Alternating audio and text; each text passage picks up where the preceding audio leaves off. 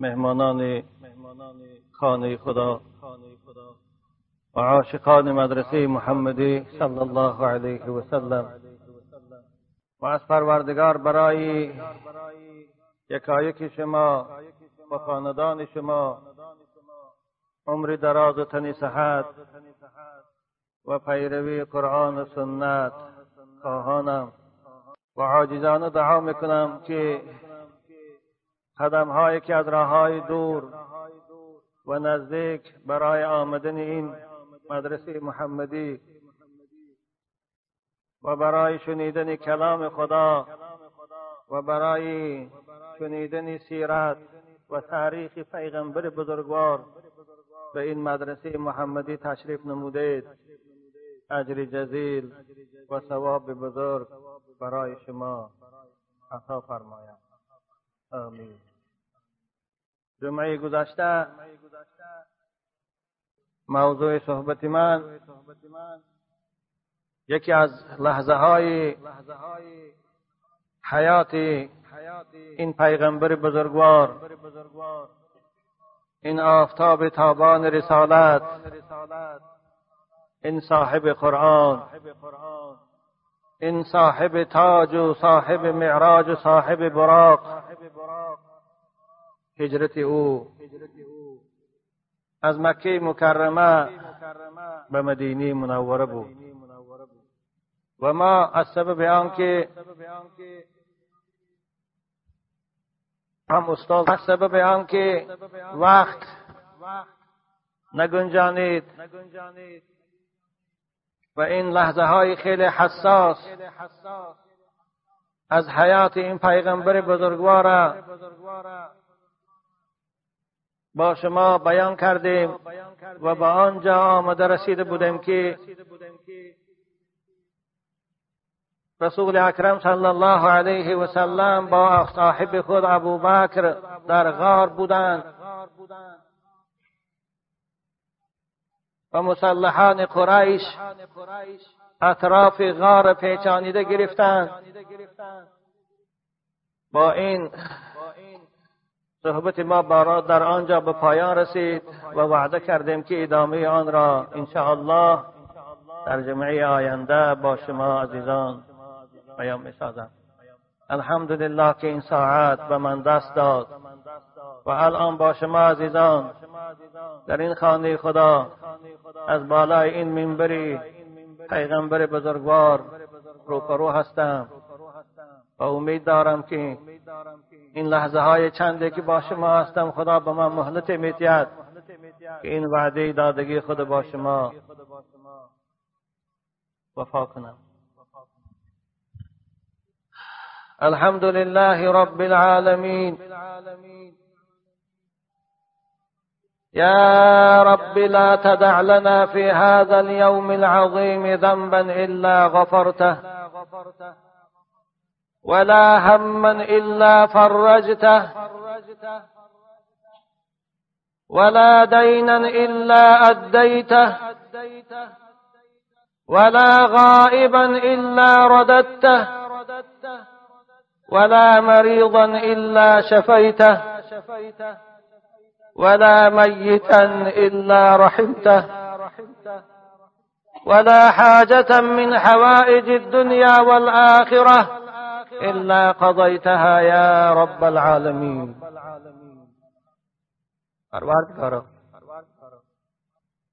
در این روز مبارک در این روزه که موضوع صحبت ما بهترین بندگان توست افضلترین انبیای توست.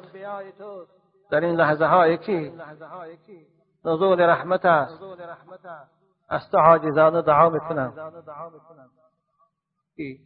گناه های ما را آمرزیده گردان. خدایا هر غم و اندوهی که بر بالای ما و بر بالای امت اسلام است خدایا این غم ها را برطرف گردان. پروردگارا کلفت و مشقتی که امروز برادران عزیز اسلامی ما در عراق و در فلسطین از دست دشمنان تو کشیده استادیند خدایا اونها را از این کلفت و بلا خلاص کردان خدایا مکر و حیله این دشمنان بر ضد خودشان گردان.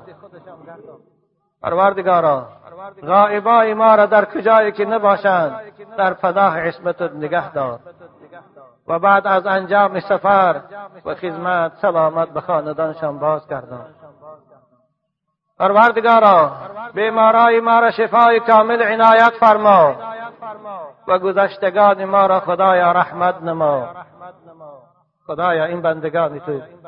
و این عاشقان مدرسه محمدی چی جوان و چی پیر چی تفلکان خرسان و چی خواهرای عزیز اسلامی ما به هر مراد و مقصودی که به این خانه تو تشریف آوردند خدایا حاجت های اونها را برآورده گردان.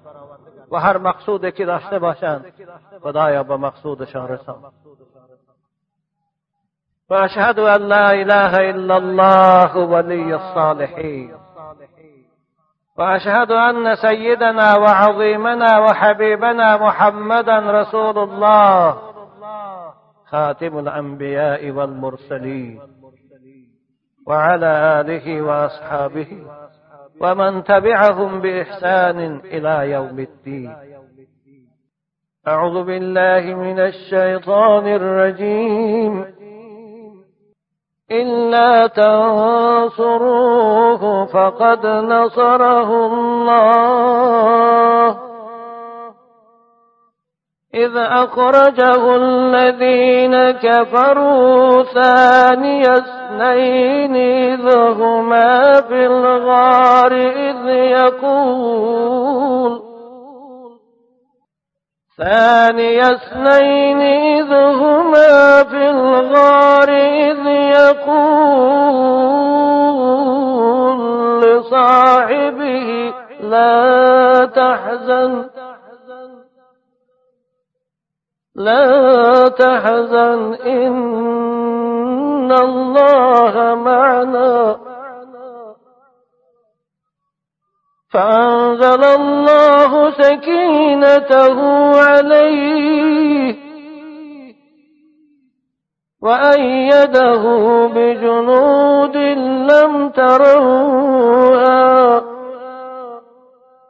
وجعل كلمة الذين كفروا السفلى وكلمة الله العليا. والله عزيز حكيم. صدق الله العظيم. این آیه ها از سورة مبارکی توبة. است بعد از نه سال هجرت. بعد از آنکه پیغمبر بزرگوار از مکه مکرمه در مدینه منوره قرار گرفتند و اولین دولت اسلامی خود برقرار کردند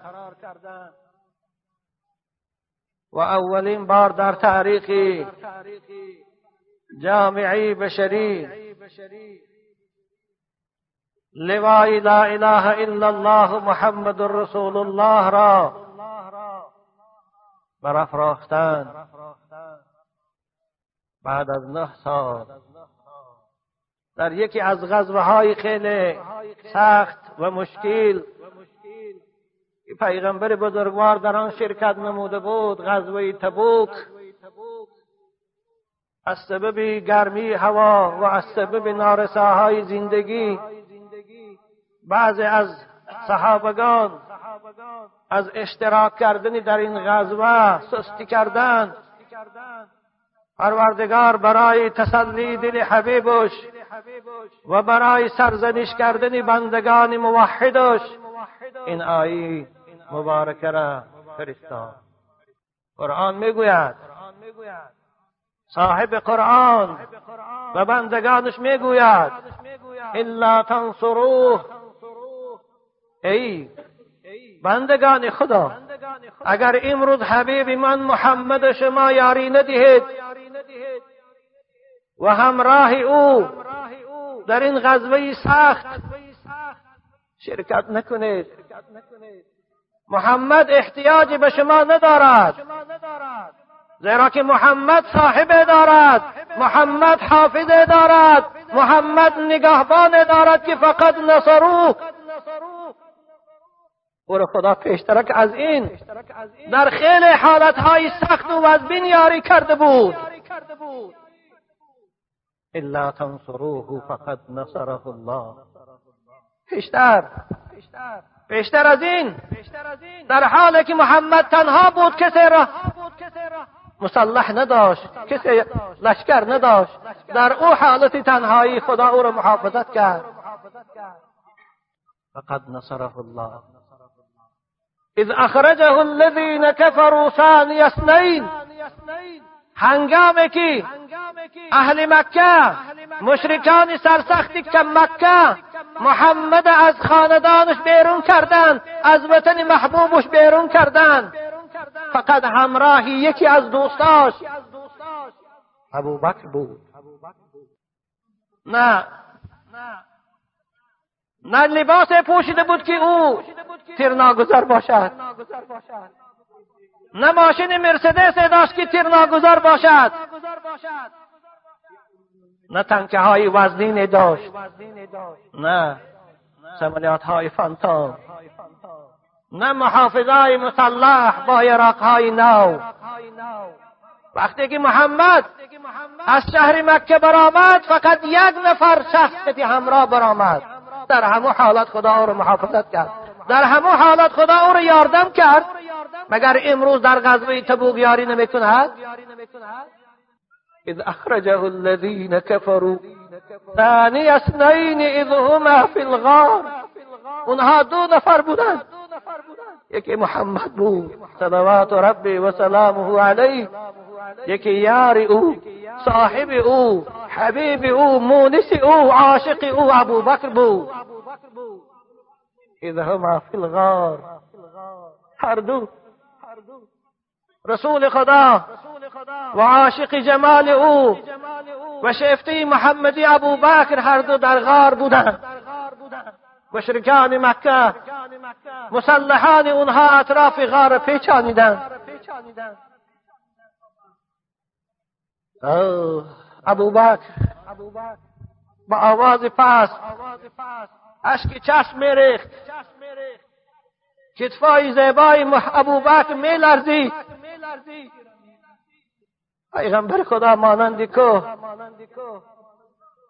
مانند کوه که هرگیز نمی جنبد آرام بود با یاد خدا بود. در مکاشفه و تجلیات الهی غرق بود. ناگاه لرزیدن کتفای ابوبکر پیغمبر خدا, خدا را به هوش آورد. دید ابوبکر می نالد. ابوبکر اشکی چشم می ریزد ابوبکر برای چی گریه؟ آب دیده برای چیست؟ ابو بکر گو یا رسول الله لو نظر احدهم الى قدمیه اگر یکی اونها سرخم کند به پیش پای خود نظر کند ما را می‌بیند در این غار. یا رسول الله این انا قتلت و انا رجل من قریش. اگر من کشته شوم با که ندارد من یک مردی است. بندگان خدا هستم. اما شما اگر خدای نکرده کشته شوید دیگر انسانیت هرگیز راه خداشناسی را نمییابد. این چراغ درخشان اگر خاموش شود خدای نکرده دیگر کسی او را نمیتاند از نو درخشان سازد. پیغمبر خدا گفتن ابو بکر لا تحزن ان الله معنا. آخر تو غم نخور. آخر تو عشق نریز. اما تنها نیستیم. همراه ما پروردگار است. همراه ما خدای کی؟ دل این کافرها هم در تصرف اوست. ما تنها نیستیم.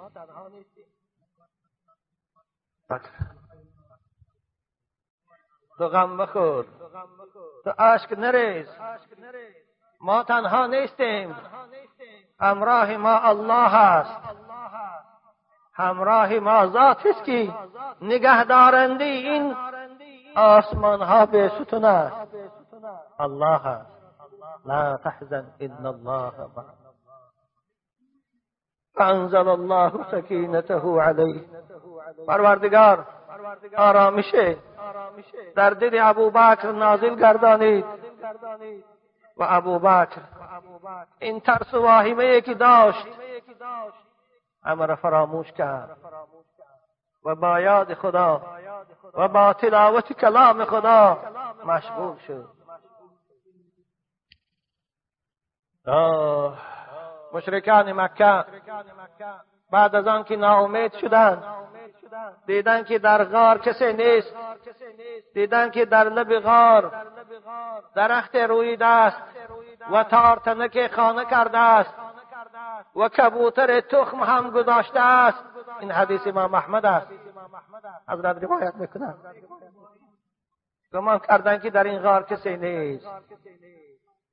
در بعض روایات آمده است.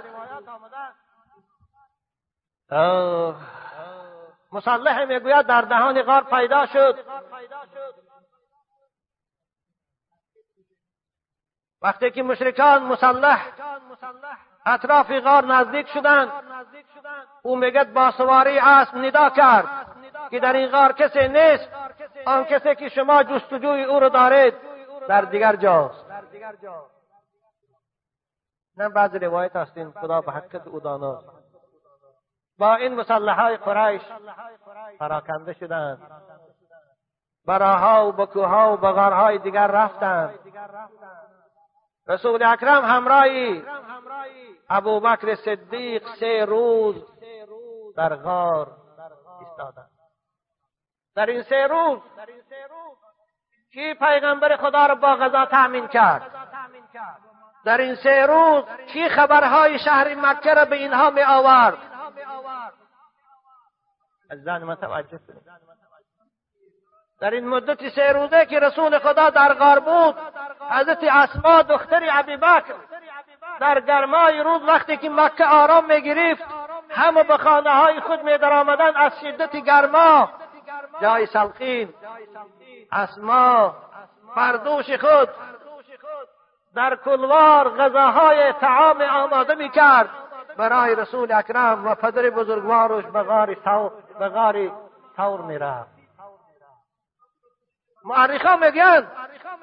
خواهرای عزیز مادرای اسلامی من به شما خطاب می‌کنم که اسما دختر ابوبکر مانند شما بود.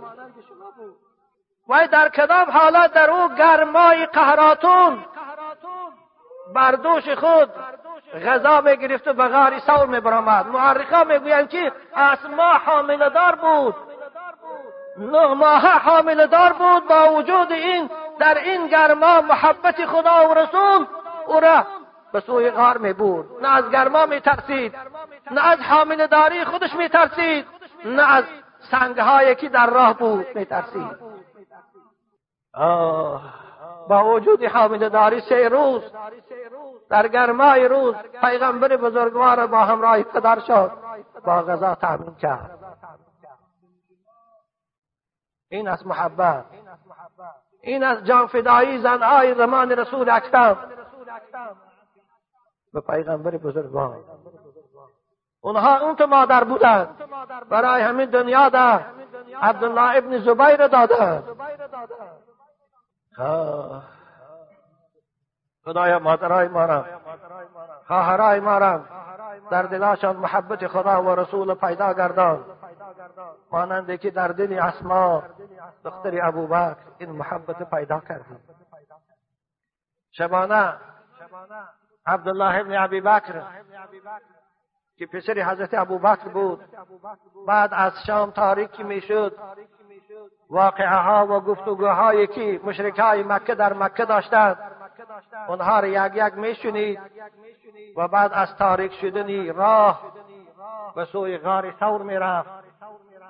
و شب واقعه ها را به پیغمبر خدا و حضرت ابوبکر می‌گفت و باز پیش از صبح گشته به مکه می آمد این به اصطلاح امروزه گوییم چکیست و رزویچی که پیغمبر خدا حضرت عبدالله ابن ابوبکر بود در این لحظه ها و با غذا تأمین کننده او حضرت اسما بود. و راه پنهان کننده برای اونها حضرت عامر ابن فحیره بود که این مولای حضرت ابوبکر بود. بعد از برآمدن عبدالله از غار که او ریگ بود و بعد پی پا نشیند. گسپندها را حی می‌کرد به راههایی که عبدالله رفته بود پی پای او نابود می‌شد سه روز در غار. این آفتاب تابان رسالت. در او غار که نکرپه بود. در آن غار که نراحت بود. نشستند این آزارها و این رنج محنت ها برای کی بود؟ برای خاطر امت بود. برای خاطر دعوت بود. برای خاطر سعادت انسانیت بود. حضرت عایشه مادر ما روایت می‌کند این حدیث امام بخاری است. استعجر رسول الله صلی الله علیه و سلم و ابو بکر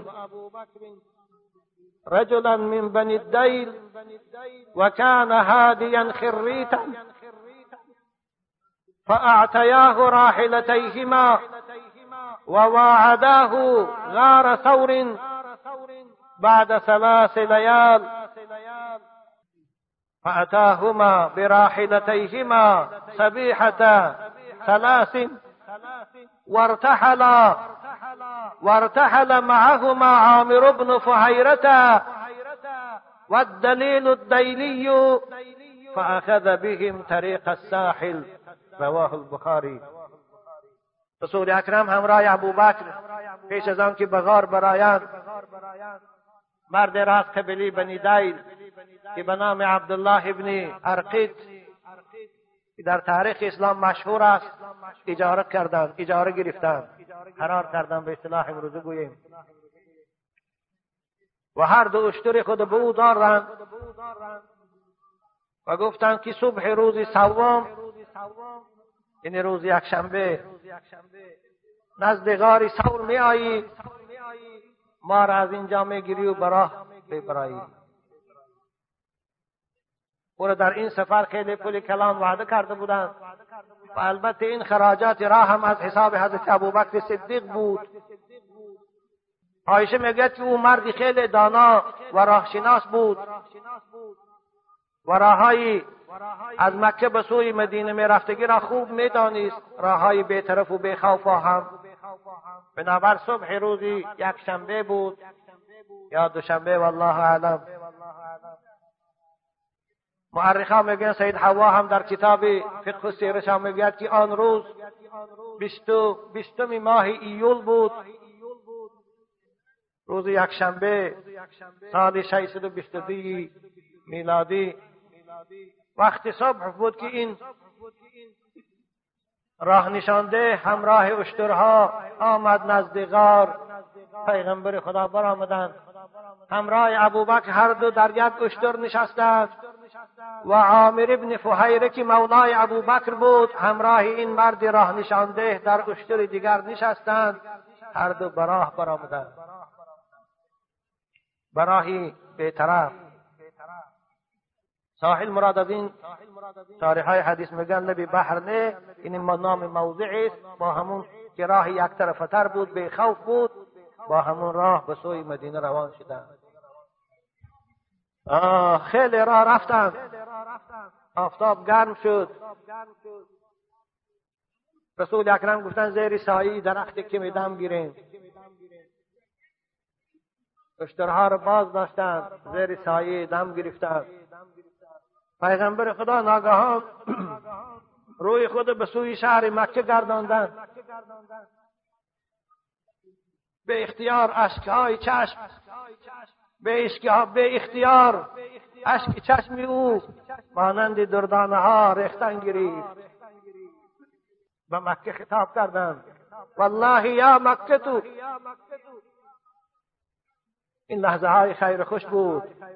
لحظه های وداع با وطن عزیز پیغمبر خدا بود. والله یا مکه تو. إني لأعلم أنك أحب أرض الله إليه لولا أن قومك اخرجونی ما خرجت منك. گفتن ای شهر مکه قسم به خدا که من میدانم تو محبوب ترین زمین های الهی هستی. تو محبوب ترین شهرهای خدا به خدا هستی. من اینو میدانم. من هیچگاه نمیخواستم از تو جدا شوم. اگر این مشرکا این کافرا من مجبور از اینجا بیرون نمی کردن من هیچگاه از تو جای دیگر نمی رفتم آره. رسول اکرم مکه را دوست می داشت زیرا که در آنجا تولد شده بود. زیرا که در باد و هوای وی نشو نما یافته بودند. زیرا که در اینجا خانه که ابراهیم خلیل خدا ساخته بود. وجود داشت. این قطره های عشق که از چشمای زیبای محمد میریخت. و این کلماتی که از زبان محمد از دل پردرد او برآمد مگر خدای محمد مگر آفریدگار آسمان زمین به پروا گذاشت؟ در عرش الهی تلاطم به وجود آمد. پروردگار جبرئیل امین فریاد کرد سفارش داد که ای جبریل زود به حبیب من در رس و این مژده را به او رساند مژده چی بود؟ این خوشخبر چی بود؟ مژده آیه از سوره قصص بود که بلبلای قرآن تا قیامت او را تلاوت می‌کنند. این مژده برای حبیب خدا بود. این تسلی برای حبیب خدا بود. جبرئیل همین در رسید. حالا عشقی. چشم پیغمبر خدا خشک نشده بود که جبرئیل امین این آیی کلمه را از نزد پروردگار خود اخواد بسم الله الرحمن الرحیم. إن الذي فرض عليك القرآن لرادك إلى معاد. الله. إن الذي فرض عليك القرآن لراد پروردگار گفت. ای حبیبی من. أمان خدایی که به تو قرآن را فرستاد.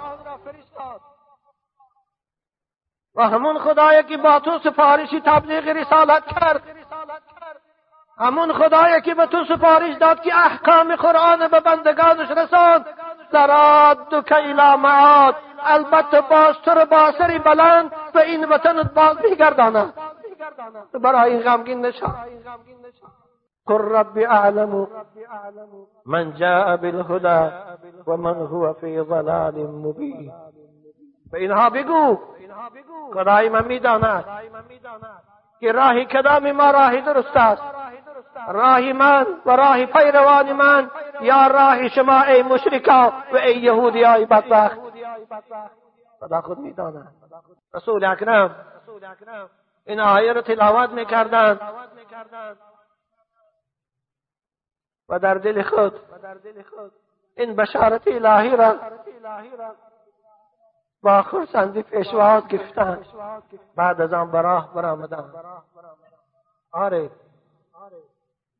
آره عزیزان من بعد از نه سال بعد از ده سال بود که رسول اکرم با سری بلند با یاران خود باز به سوی مکه به این شهر مقدس فاتحانه داخل شد. آه.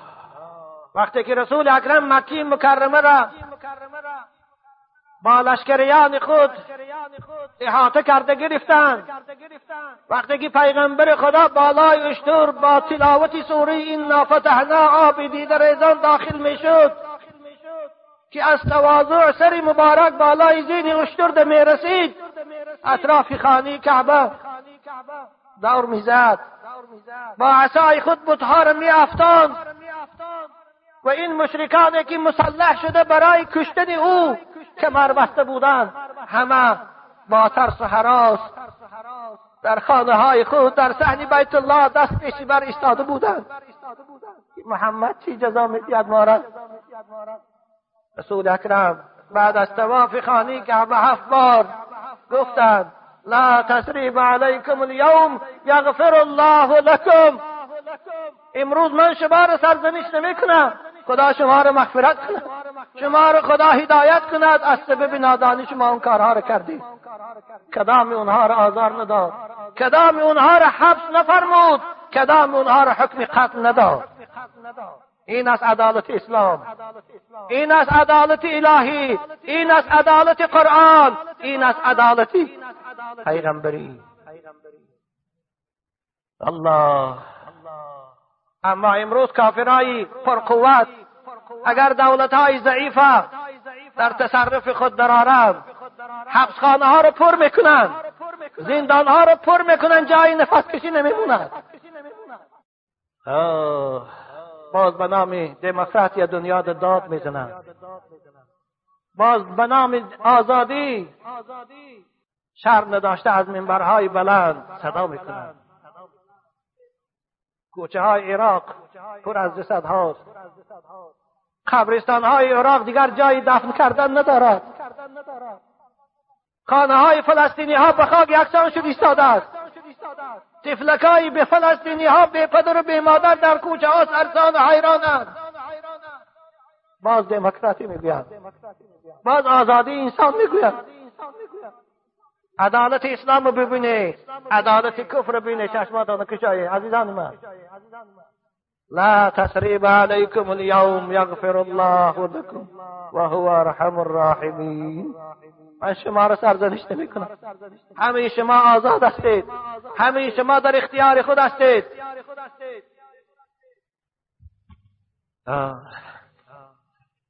رسول اکرم صلی الله علیه و سلم هشت روز در این راه به سوی مدینه آمدند.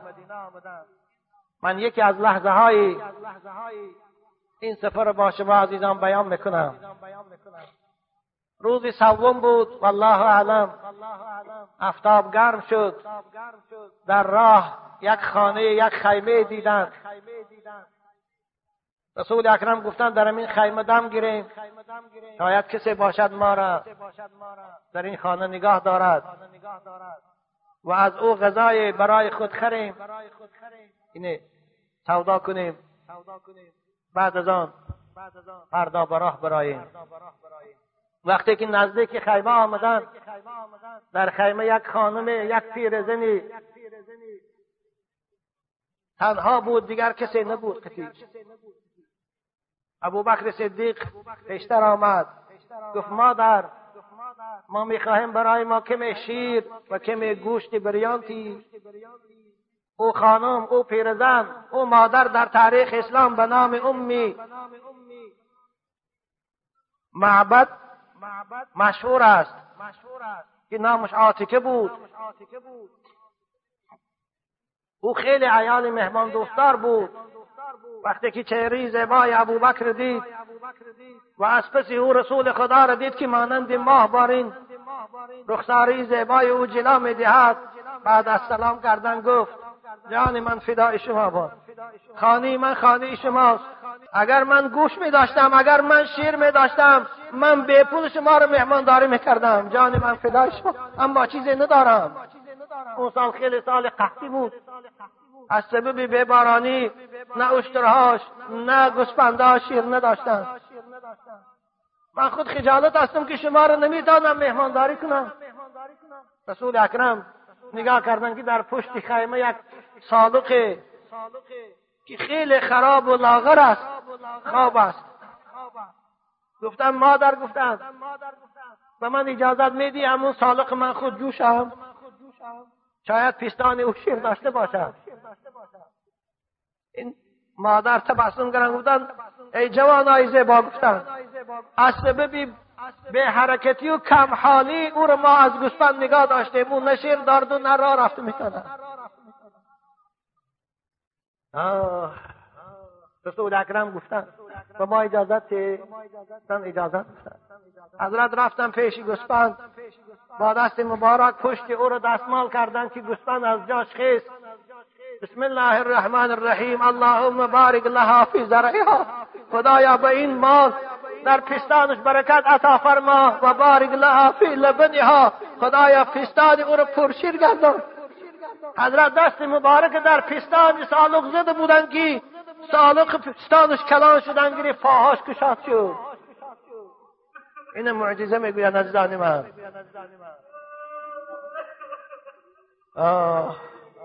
گفتم مادر به ما یک ظرف بیاد من شیر جوشم. ظرف آوردن حضرت شیر جوشیدم ظرف پر شد. اول به خودی پیرزن دادم مادر گفتن تو بنوش. شاید از سهر تو چیزی نوشیده باشی. باز نوشیدن خودشان دیگران را نوشاندن.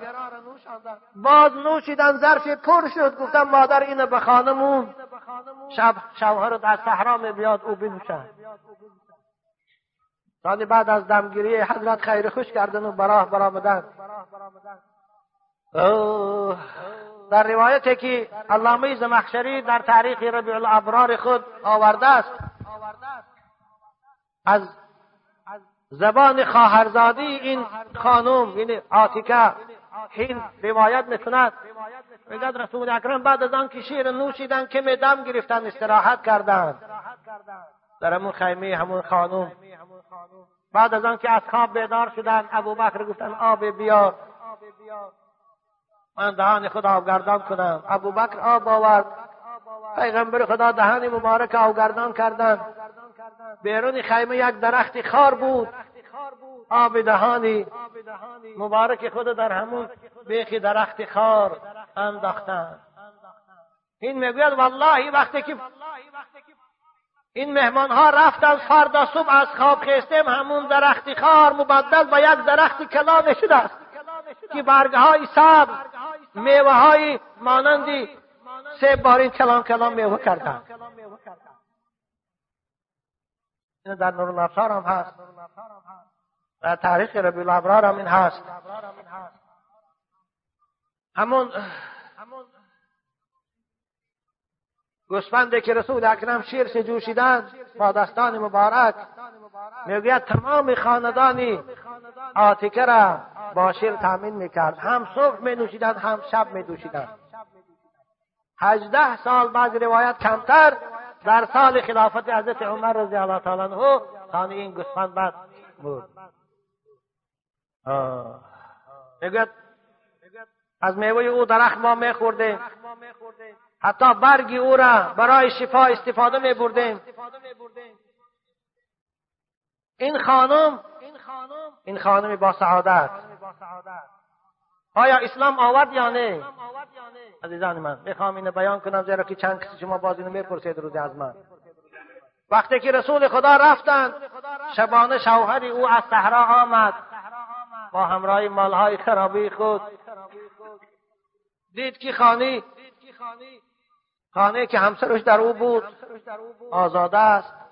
و یک ظرف پر از شیری سرد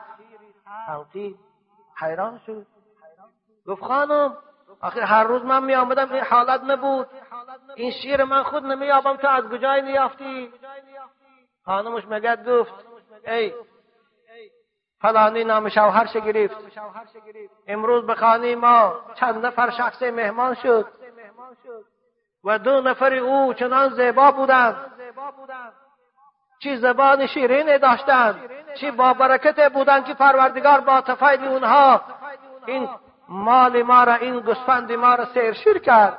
هم خود اونها نوشیدن هم من هم با برای تو ذخیره کردن.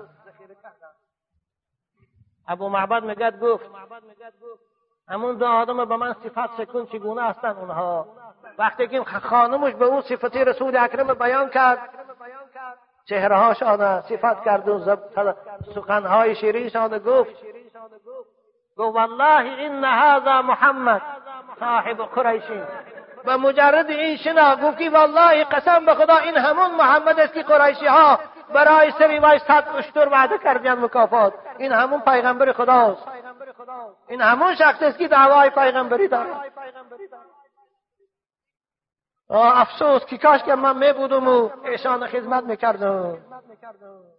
آره وقتی که رسول اکرم در مدینه منوره قرار گرفتن. این پیرزن همراه شوهری ناتوان خود به مدینه آمد. به رسول خدا بیعت کرد و به ایمان و اسلام مشرف شدند. الحمدلله. رسول اکرم صلی الله علیه و سلم در راه بودند. روز چهارم بود. سراقه می‌گوید اینم حدیث امام بخاری است. سراقه می‌گوید همراهی قومای محلی خود نشسته بودم. آفتاب گرم بود صحبت می‌کردیم. شخصی از بیابان آمد. شتابان. گفت که الان من در پایان در ساحل دو اشتر سواری را دیدم که رفته ایستادیان من گمان می‌کنم که همون محمد و ابوبکر هستیم. تمامی قبیله ها برای آنکه از این مکافات می‌گیریم صد اشتر صاحب می‌شویم گفته در جستجو بودن سراقه می‌گوید دانستم که اینها محمد و رفیقای محمد است بنابر برای خاطر اینها را فریب دادن به او شخص گفتم نه اون دو کسی شما می‌گویه الان از نزد من رفتند اونها شترکاوها هستند. اشتراشان گم کردیند برای شترکاوی رفتند یعنی مقصد سراقه اینها را فریب کند و خودش. رود محمد قپت صاحب دوصد اشتر شود. صد اشتر برای جناب پیغمبر صد اشتر برای ابوبکر. این سراقه به خبر بود که او محمد پاسبان دارد. محمد محافظ دارد. محمد تلخ دارد. از این به خبر بود. اگر چند لحظه گذشت. اینها که آرام شدند. به خانهش رفت. اسبی تیزده داشت. سوار شد. یرقهای خود گرفت و از همون راهی که او شخص گفته بود روانه شد. این در نورالقین هم شاید طالب علما خواندگی هستند. وقتی که نزدیک شدن گرفت غبار اسب او این پای که اسب می‌زد از زیر پاش سمهاش غبار می برآمد بلند شدن گرفت. اسبش پیش پای خورد غلطید باز از جاش خیست باز سوار شد و باز اسب دوان. باز پیش پای خورد و با غلطید حضرت ابوبکر صدیق نگاه کردن که غبار بلند شد ایستاد از سواره دوان آمد ایستادن به طاقت شدن. یا رسول الله ما را طلبکارها آمده ایستادیان رسول اکرم پروا نداشتن قرآن میخواندن. برداشتن به سوی آسمان و گفتن اللهم اکفه عنا بما شئت. خدایا اینه. به هر طرزی که می‌خواهی از ما نگه دار. این بود. یراق رسول اکرم. این بود. گرانتمیات پیغمبر خدا. این بود سملیات بامبانداز رسول اکرم. اللهم اکفه عنا بما شئت. خدایا این بندتا از ما نگه دار. به هر طرزی که خودت می‌خواهی. این دعا از زبان پیغمبر برآمده بود که هر چهار پاو دست اسب به زمین فرو رفت. زمین فرو رفت سراقه دانست که این دعای محمد است. دانست که من به محمد رسیده نمیتانم فریاد کرد. که یا محمد من خلاص کن. والله من به تو زیان نمیرسانم در که زمین فرو بردی من خلاص کن. و فریاد من رس من به تو زیان نمیرسانم من با امکانیت داشته باشم شما را یاردم می‌کنم صداش به گوش پیغمبر خدا رسید. حضرت دعا کرد اللهم این کان صادقا فاطلق فرسه. خدایا اگر سراقه صادقانه خالصانه دعا این طلب از من کرده باشد. خدایا اسب او را خلاص گردان از زمین. اسب باید حمله از جاش خیست. راد برآمد رسول اکرم ایستادند. سراقه آمد. بعد از سلام و با رسول اکرم. توشه و لباس خودش پیشکش کرد که شما در راه دور می‌روید همراه گیرید پیغمبر خدا نه به ما چیز شما حاجت نیست گفتند فقط خواهش من از زمین است شما که همین خبری ما رو پنهان دارید. به کسی نگوید که ما از این راه رفته ایستادیم. خوب در اینجا باز حادثه های دیگری هم شد. از سبب بیان که وقتی ما کم کم موندی استاد است نمی‌تونم بیان کنم. به هر حال این سراقه هم بعد از آن به رسول اکرم صلی الله علیه و سلم باز ایمان آوردند پیغمبر خدا آوازش به مدینه آمد. اهل مدینه باشندگان مدینه وقتی که شامیدن رسول خدا به راه برآمده است. از صبح می برآمدن بیرون مدینه. راه که از مکه می آمد همه مردها مسلح با فرزندای خود تا نصف روز منتظر بودن که رسول خدا کی می آید هر روز حالشان این بود. روز هشتم. یا دوازدهم ربیع الاول بود. آفتاب گرم شد. همه به خانه هاشان گشتند. ناامید. شاید رسول اکرم فردا میبیاد. یا پس فردا. یهودی می‌گوید برای حاجت بالای تپه برآمد. شاید اشترهاش میکافت. ناگهان دید که از طرفی حوالی یعنی راه مکه دو شتر سوار دو اشتر بالاش دو سواره چند نفر آمده ایستادیان گاه در چنگ یعنی آفتاب چیزش نابود می شود سرابش باز نمایان می شود نزدیک شد ایستادیان این یهودی پای برد که این از همون کسانی که اهل مدینه انتظار اونها هستند. بنابر از همون بالای بلندی فریاد کرد یا بنی قیلت هذا حظکم؟ فخذوه. ای بنی قیله ای خزرج اوسی ها از جاتان خیزید آن کسی که طلبگارش بوده آمده ایستاده است. وقتی که این صدا بلند شد تمام خانه های مدینه به جنبش در آمدند.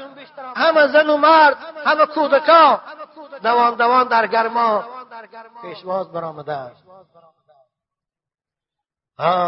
رسول اکرم نزدیک شدن گرفت. انصاری ها عاشقان رسول اکرم و مهاجرانی که پیشتر رفته بودند همه پیشواز رسول اکرم برآمدند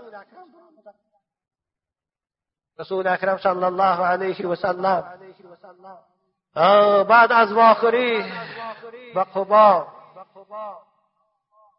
که از مدینه منوره بیرون بود اول به آنجا رفتند زیرا که راه همون بود. و سه روز در قبا ایستاده. و اولین مسجدی که در مدینه منوره ساختند این مسجد قبا بود. رسول اکرم صلی الله علیه و سلم اون مسجد بنا کردند که قرآن او را وصف می‌کند. فیه رجال یحبون ان یتطهروا والله یحب المطهرین. روز سوم روز جمعه رسول اکرم از قبا بازگشتن به سوی مدینه. شواری اشتر. نصف روز شد زوال شد. در قبیلی.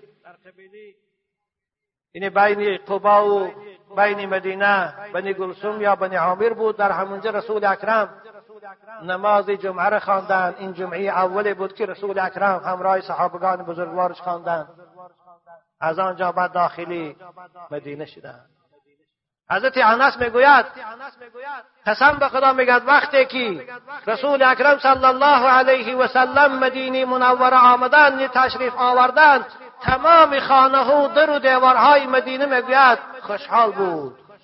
نور افشانی می‌کرد. جوانای مدینه کنیزکا سراینده های مدینه پیشواز رسول اکرم ده همون سرودی که ما در مولودها می‌خوانیم میخواندن پیشواز حضرت ده طلع البدر علينا من سنيات الوداع طلع البدر علينا من سنيات الوداع وجب الشكر علينا ما دعا لله داعي. أيها المبعوث فينا جئت بالأمر المطاع.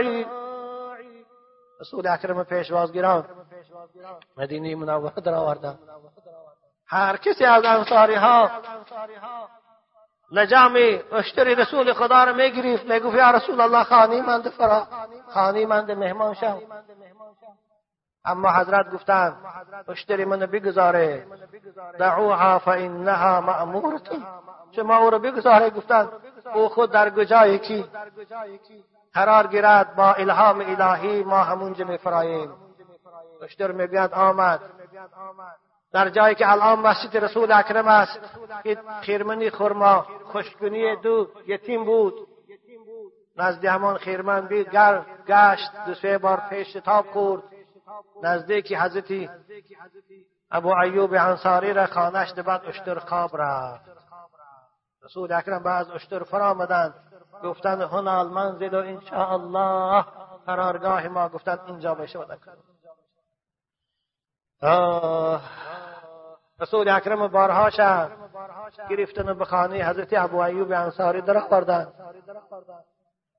همان خیرمنه که پشتر رسول اکرم در آنجا قرار گرفت. ما گفتیم حق دو یتیم بود. رسول اکرم از وارثای اون دو یتیم خواستن که اینو به ما فروشه گفتن. ما در اینجا گفتن مسجد سازیم. او یتیما گفتن ما همین برای خدا به شما دادیم یا رسول الله همچون هدیه از ما. اما پیغمبر خدا نه گفتن او رو ما به پول می‌خریم. نرخ موندن. در بعض روایات ده تیلا قیمت موندن. حضرت ابو بکر صدیق پول او را هم دادن. همون جا را برای خود رسول اکرم به مسجد ساختن. این اولین بنای حکومتی که رسول اکرم بعد از تشکیل حکومت اسلامی ساختند این همان مسجد رسول اکرم بود که دیوارش از سنگ بود بالاش از چوب خرما بود و سش از برگ خرما بود. آن بود قلعه رسول اکرم آن بود رزیدنسی رسول اکرم آن بود مدرسه رسول اکرم صلی الله علیه و سلم. عزیزان من در این سفر چگونه که شما شنیدید رفیق و مونس پیغمبر خدا حضرت ابوبکر صدیق بود. از این سبب افضلین مردم بعد از پیغمبرها ابوبکر صدیق است. امام قرطبی می‌گوید در تفسیر سوری براعت هر کسی صحابه بودن عمر یا عثمان یا علی را انکار کند کافر نمی شود او مبتدی است او زال است او فاسق است. اما صحابه بودن و رفیق بودن ابوبکر انکار کند او کافر است زیرا که او نص قطعی را انکار کرده است. حضرت ابوبکر قرآن صراحتا یار رفیق خدا معرفی می‌کند. از این سبب بود که وقتی که بار با حضرت عمر رضی الله تعالی عنه گفاشان گریخت رسول اکرم شنیدن که عمر حضرت ابوبکر آزار داده است حضرت فریاد کردن عمر و صحابه های دیگر فریاد کردن در مسجد و گفتن اینم حدیث امام بخاری است. گفتن هل تارکو لی صاحبی؟ فإن الناس كلهم قالوا كذبت وابو بكر قال صدقت۔ رواه البخاري شما گفتن میمونه همین رفیقی من که آرام استاد میمونه گفته همین مونیسی من ابو بکر که آرام استاد شما رازار میتی آخر وقتی که من کلمه لا اله الا الله را آغاز کردم. همه مردم حتی تو هم عمر بگفتی دروغ می‌گویی. فقط ابو بکر بود. که بگفت راست می‌گویی. این آزار نتید گفتن از این سبب افضلینی. مردمان بعد از پیغمبران عزیزان من. ابو بکر صدیق هست. باور کنید ابو بکر انسان است کی؟ پروردگار از بالای عرشش به او سلام فرستاد.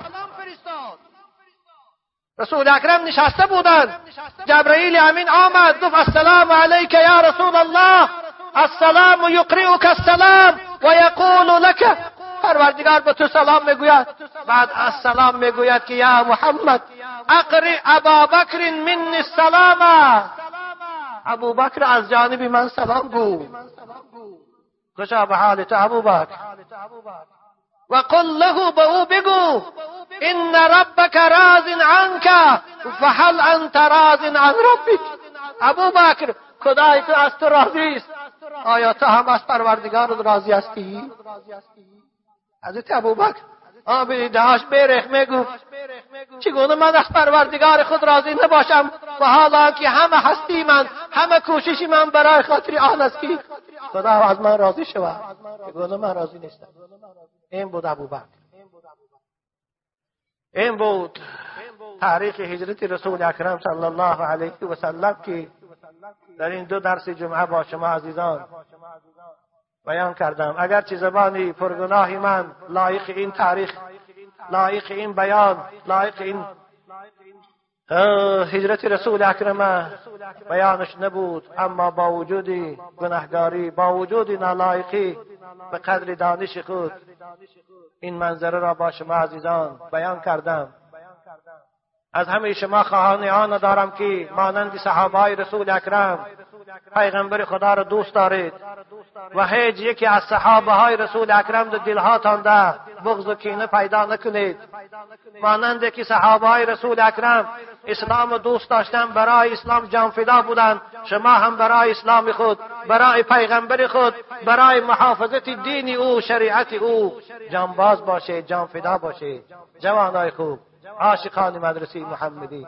پروردگارا شما را عمر دراز و تنی صحت و پیروی سنت در این دنیا نصیب کند و در آخرت با شفاعت رسول اکرم مای گناهگارم همراه شما داخلی جنت گرداند. آمین یا رب العالمین. عزیزان من یک دو دقیقه اگر دیرم شود یک مادری خیلی برای من عزیز است. یک سوال تعجیلی به من روان کرده. است خواهش. جواب گوید گفته.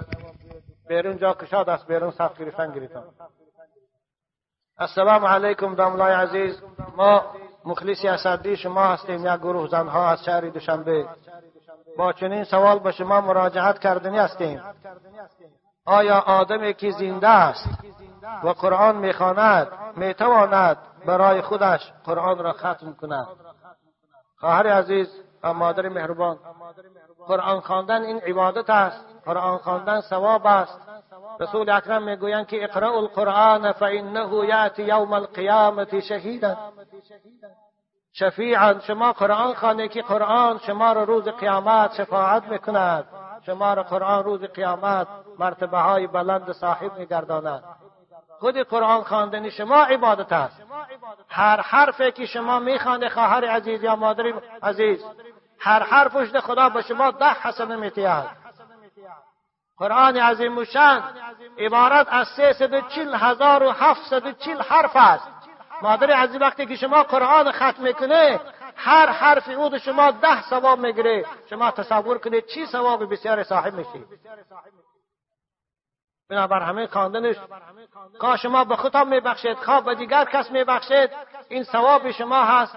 پروردگار شما را از فضل ثواب می‌دید چگونه که وعده کرده است. و باز به کسی هدیه هم کنه ثواب او را به دیگران هم هدیه او را ثواب او را خدا میرساند. روزه که روزهای دوشنبه و پنجشنبه می‌گیریم به قرضها داخل می شود یا نه؟ مادر عزیز برای روزه قرضی یک شرط این است که باید نیت کرد. روزه قضایی شرطش همین است که نیت می‌کنید. شما که خدایا فردا من روزه می‌گیرم از قضایی گذشتم گفته. تعیین می‌کنید. و شروط للقضاء والکفارة ان یبیت و یعین. فقها می‌گویند برای روزی قضایی اولش که پیش از صبح نیت می‌کنی مادر قیامتی؟ و دیگر اینکه باز معین می‌کنه که از قضایی گذشته گفتن بنابراین این روزایی که پنجشنبه و دوشنبه نفل گفته می‌گیره این نفل حساب است. خوب شما می‌تونه که امروز پنجشنبه و دوشنبه رو سحر یک پیشتر از صبح خیزید و یک پیاله چای نوشید یا چیزی هم که نمی نوشید. دانتان آوگردان کنید روزه قضایی گفته نیت کنید پس از قضایی حساب میشه. در آخر به شما عمر دراز و تنی صحت و اهل آیلتان آرامی را خواهانیم خواهر عزیز شما را پروردگار نگه دارد السلام علیکم. یک نفر مخلصی شما اینجا من دیر باز در نزد شما احترامانه از خداوند بزرگ طلب دارم که شما را نگهبان باشد و در پیشگاه پروردگار سربلند باشید آمین من شش نفر پسر دارم یک پسر کلانی هم بسیار به توفیق می باشد و گپم گوش نمی کند دو فرزند دارد نمی‌دانم من با وی چیکار کنم دیگرانش الحمدلله با توفیقند پسری چهارمم باشد 23 سال می شود که بیمار است. او را خودم خوراک می دهم وی نه گپ می‌زند و نه میشیند و نه راه میگردد. این هم باشد خواست خداست و من صدها بار به این راضی هستم. و از شما خواهش می‌کنم که در حق وی دعای کنید. پروردگارا این برادر عزیز فرزند مهربان شفای کامل تیدو و از قطار او دیگر بیمارایی که در این محلی ما هستند و در تمام جمهوری ما هستند خدای آنها را شفای کامل عاجل نصیب گرداند و در آخر از شما سوال را تعجیلا می‌پرسم. بعضی وقتها من او را در بغلم گرفته خوراک می‌دهم اما در, در بغلم بادش میبراید. در همین مورد تهارت من میشکند یا نه؟ برادر عزیز اسلامی تارت شما ویران نمی شود و مادامی که اگر رفت و پیشابش نچکد یا یگان افلاسیش اگر نچکد لباس شما به این نماز نمی شود به مجرد بادی برآمدنی او که به اختیار بیچاره او مظلوم است مظلم است. این شما رو تارتان نمی شکندم لباساتان هم به نماز نمی شود بنابراین شما میتانه و همون تارت نمازتان خانه اکنون دعا کنیم پروردگار. به حرمت این لحظه اجابت دعا دین مقدس اسلام در روی زمین غالب گرداند. و قانون قرآن را خدای حاکم عالم گردان و بیرق لا اله الا الله محمد رسول الله را در روی زمین الوانجگر گردان پروردگارا در تمام سرزمین های عالم اسلامی و خصوصا در این سرزمین جمهوری ما فیض برکات نازل گردان فقر و تنگدستی و محتاجر خدای از این جمهوری ما و از این ناحیه ما و از این محلی ما برداشته گردان. پروردگارا به حرمت این لحظه اجابتی دعا بیمارای ما را شفای کامل عنایت فرما و به فرزندان ما را فرزند صالح نصیب و روزی گردان. و مسافرای ما را خصوصا مسافرایی که الان در وقت آمدن از من طلب دعا کردند که به سوی رسیه می رفتیند پروردگار اینها را در پناه اسمت نگه دار. و در اون مسافرت ها خدای آنها را سلامت بدار پروردگار آنها را از شر ظالمان محفوظ بدار و دولتشان رزقشان فراخ گردان. و با دست پور با سلامت به خاندانشان بازگردان. خدای به اونها توفیق عطا فرما که در آنجا از طاعت تو دور نشوند و گرفتار معصیت نگردند. خدایا تو مقلب القلوبی دلهای همه حاکمان عالم را مایل به اسلام گردان. مایل به پیروی قرآن گردان آمین یا رب العالمین